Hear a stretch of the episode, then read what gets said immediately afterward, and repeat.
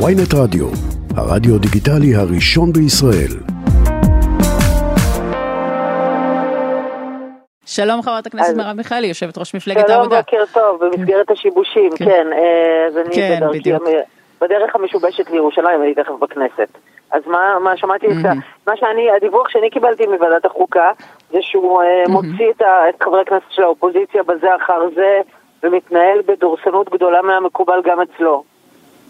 עזבי דורסנות, את לא בוחרת את היריבים שלך, אבל הוא, הוא הוציא היום הבהרה שהוא אומר בעצם פסקת ההתגברות, היא צריכה לעבור ברצף של שתי כנסות, החוק המתוגבר, כן? ברצף של שתי כנסות, ב-61 בכל אחת מהקריאות, מה שהופך את, את הפסקה הזאת, בואי, אל תגלי לו, אבל זה לא באמת... אה, אין, אין באמת פסקת התגברות אם ככה. זה מרגיע אותך אולי, ההבהרה הזאת לא, שהוא מוציא? לא, ממש ממש לא, כי...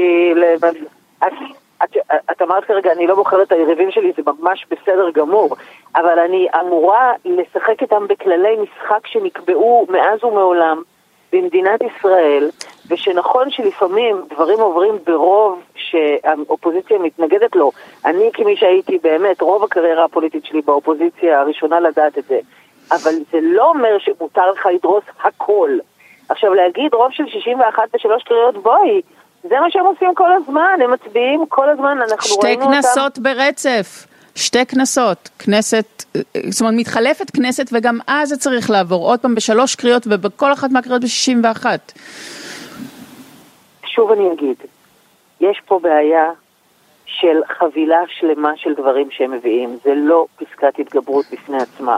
זה שינוי אה, המבנה והאופן הבחירה של השופטות והשופטים, זה אה, שינוי שליטת הסניוריטי בבית המשפט העליון, זה האיסור לפסול חוקי יסוד בכלל. זאת חבילה שלמה של דברים, לא רק פסקת ההתגברות בפני עצמה, מה, ו, וגם פסקת ההתגברות בפני עצמה, שוב אני אגיד, אין אף מקום בעולם שבו יש איזשהו מנגנון התגברות שאין בו איזונים שבמדינת ישראל אין אותם. אין לנו חוקה, אין לנו שני בתי פרלמנט, אין לנו אה, שתי, אה, אה, שני בתי משפט, כמו נניח מבית משפט לזכויות אדם או בית משפט אירופי, שיכול, אה, אה, שיש לו סמכות על בתי המשפט המדינתיים.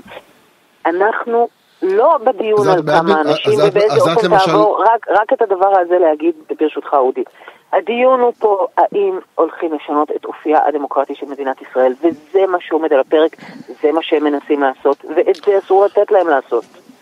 אבל השאלה נמצאת בפרטים, וברגע שרוטמן מציע פסקת התגברות בשתי כנסות, שאנחנו יודעים את, ביציבות הפוליטית המעורערת בישראל, אה, הסיכוי שה, שה, שההרכב יישאר בדיוק אותו דבר ככנסת אחרי כנסת כמעט ולא קיים, הוא מעולם לא קרה אגב בהיסטוריה של מדינת ישראל, תמיד יש מרכיבים שונים של הקואליציה.